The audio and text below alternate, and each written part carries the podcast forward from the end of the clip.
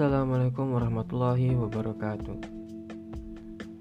Perkenalkan nama saya Wahyu Indra Pratama, saya dari RPEA kelas pagi dengan NIM 42320010003. Pada kesempatan hari ini saya diberikan tugas dari Pak Miftahudin untuk berdiskusi apakah kecanggihan teknologi digital berpeluang menggerus tatanan identitas nasional.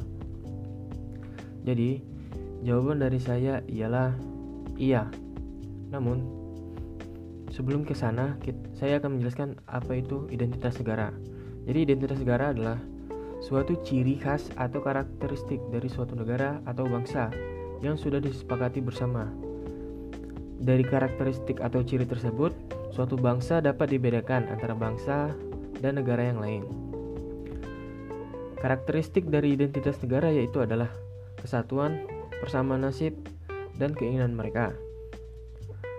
Lalu, kita sebagai warga negara wajib menjaga identitas negara kita, karena itu merupakan ciri khas negara kita. Identitas negara Indonesia seperti yang kita ketahui itu adalah bendera merah putih, bahasa persatuan bahasa Indonesia, lambang negara Garuda Pancasila, lagu kebangsaan Indonesia Raya, semboyan negara Bhinneka Tunggal Ika, dan juga dasar falsafah negara Pancasila. Lalu kita masuk ke topik lagi, lalu bagaimana pengaruh teknologi terhadap identitas bangsa Indonesia? Kita akan bahas secara pengaruh positif dulu. Teknologi merupakan bagian yang tidak terpisah pada saat ini. Teknologi mempunyai manfaat yaitu Dengan adanya teknologi, masyarakat mampu meniru etos kerja yang tinggi dan disiplin dan disiplin dari negara maju yang harus kita tiru demi kemajuan identitas negara kita. Melalui teknologi juga kita dapat mengakses ilmu pengetahuan yang dapat meningkatkan pola pikir masyarakat yang kritis dan juga bisa menghindari ancaman dari luar. Serta melalui teknologi juga tiap-tiap daerah dapat membagikan informasi mengenai perkembangan di daerah tersebut yang membuat daerah tersebut dapat dikenal oleh masyarakat secara luas. Lalu teknologi juga dapat menyampaikan informasi secara cepat, di mana hal tersebut dapat untuk menjadi pertimbangan pada kepala daerah masing-masing untuk meningkatkan potensinya ke depan. Karena apa? Untuk mengambil suatu kebijakan itu perlu memikirkan beberapa tahun ke depan dan juga persiapan yang matang. Di samping dampak positif tersebut, teknologi juga dapat berdampak negatif terhadap identitas bangsa, yaitu nilai-nilai negara barat semakin menguasai bangsa Indonesia. Contohnya, pada zaman sekarang ini, masyarakat Indonesia cenderung berpikir secara individualis, yaitu berpikir untuk dirinya sendiri dan tidak memperdulikan orang lain. Di samping itu juga ada negara Indonesia juga bisa menganut ideologi bebas. Bebas di sini maksudnya mereka melakukan pergaulan bebas, cara berbicara dan cara berpikir juga mengikuti orang barat yang bebas. Dan juga mereka cenderung berpikir secara kebarat-baratan. Ini seperti yang kita ketahui pada banyak pemuda zaman sekarang itu mereka banyak yang tidak mempercayai agama, Wah, ateis gitu ya. Itu juga pengaruh-pengaruh dari nilai-nilai barat. Hal ini juga membuat nilai-nilai moral bangsa Indonesia menjadi identitas bangsa yang hilang. Tak hanya mengenai nilai moral, cara berpakaiannya juga mengikuti style barat. Hal ini tentu bertentangan dengan cara berpakaian bangsa Indonesia yang sopan dan tertutup. Demikian juga produk masyarakat Indonesia yang jauh lebih memilih produk luar negeri dengan alasan produk luar negeri kualitasnya lebih baik.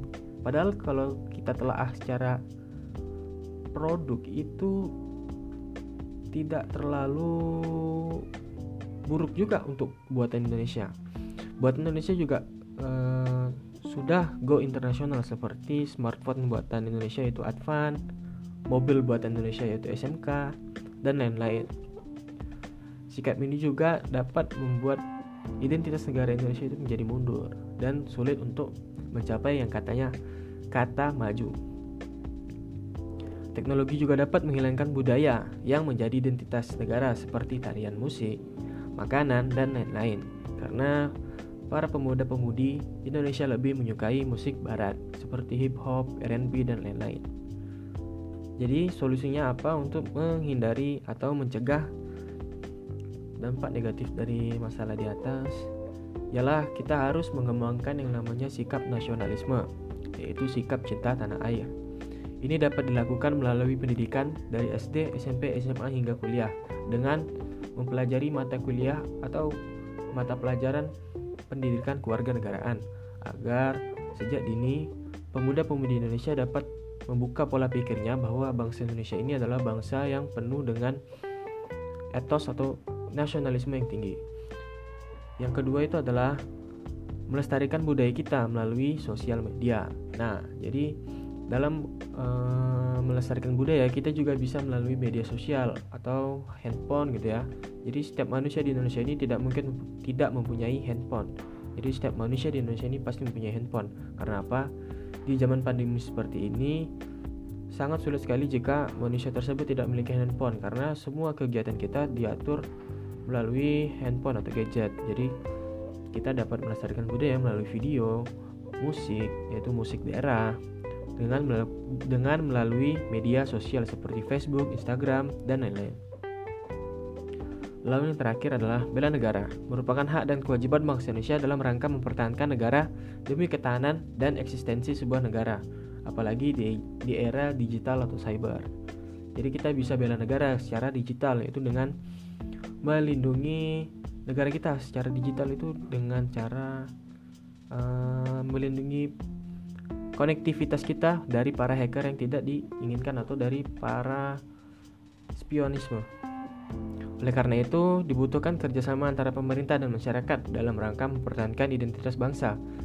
Di tengah pesatnya era teknologi, jangan sampai budaya kita hilang bahkan diklaim oleh negara lain suatu saat nanti.